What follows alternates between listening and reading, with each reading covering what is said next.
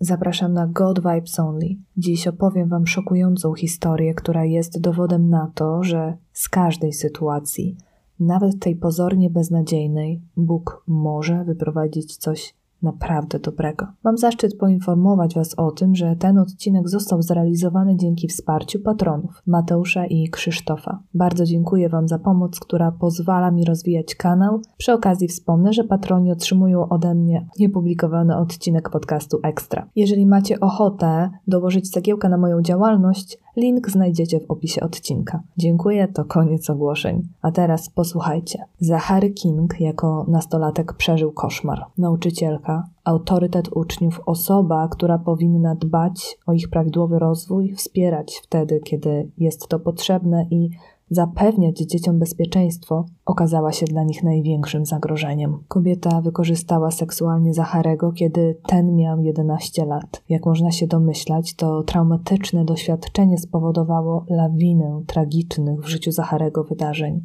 Chłopak miał 13 lat, kiedy oddał duszę diabłu. Wkrótce potem asystował przy rytualnej aborcji. Zachary piął się po szczeblach, nazwijmy to, kariery w kościele satanistycznym, by w wieku 21 lat zostać najwyższym magiem. Mężczyzna coraz bardziej zagłębiał się w tajniki czarnej magii. Operował zaklęciami, które, aby zostały, w cudzysłowie, zrealizowane, musiały być okupione ofiarą ofiarą z człowieka. Im większa była prośba, tym więcej należało poświęcić złu. Zwykle zabijano dzieci, nienarodzone dzieci. Zachary wspomina, że po każdym zaklęciu przeprowadzano rytualną aborcję. Brzmi jak żart, jak fragment słabego serialu. Niestety to prawda, co potwierdzają relacje pozostałych, byłych członków tego zgromadzenia. Dlaczego zabijano?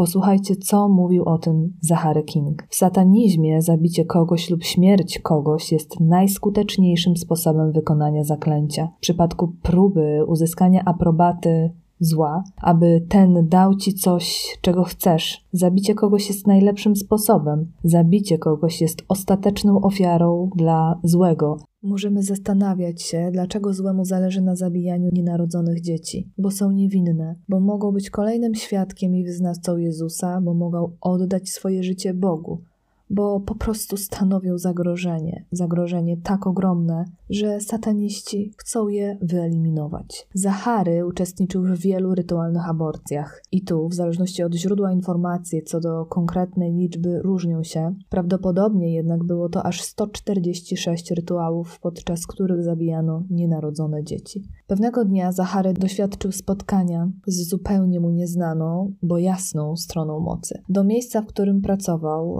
był to kiosk, przyszła pewna kobieta. Jak opowiadał Zachary, powiedziała mu, że Maryja chce go w swojej armii i wręczyła cudowny medalik. Przy okazji medalika zachęcam do obejrzenia odcinka czwartego God Vibes Only. Link zostawiam w opisie. King był zaskoczony, ale spotkanie zrobiło na nim takie wrażenie, że postanowił odejść z kościoła satanistów. Nie potrafił jednak zrezygnować z praktykowania magii. Zachary doświadczył spotkania z Maryją, która opowiedziała mu o tym, co robił. To właśnie wtedy zrozumiał, że ma do czynienia z Matką Bożą, a przyszła do niego, kiedy ogarnięty przerażeniem myślał o tym, że został potępiony. Wziął do ręki medalik, który wcześniej mu wręczyła, bo tak, to była Maryja, i wtedy wszystko się zmieniło. King, ponieważ przed rozpoczęciem praktyk w kościele satanistycznym był baptystą, nawrócił się na katolicyzm i od roku 2008 żyje na łonie kościoła katolickiego, promuje wiarę i walczy z aborcją.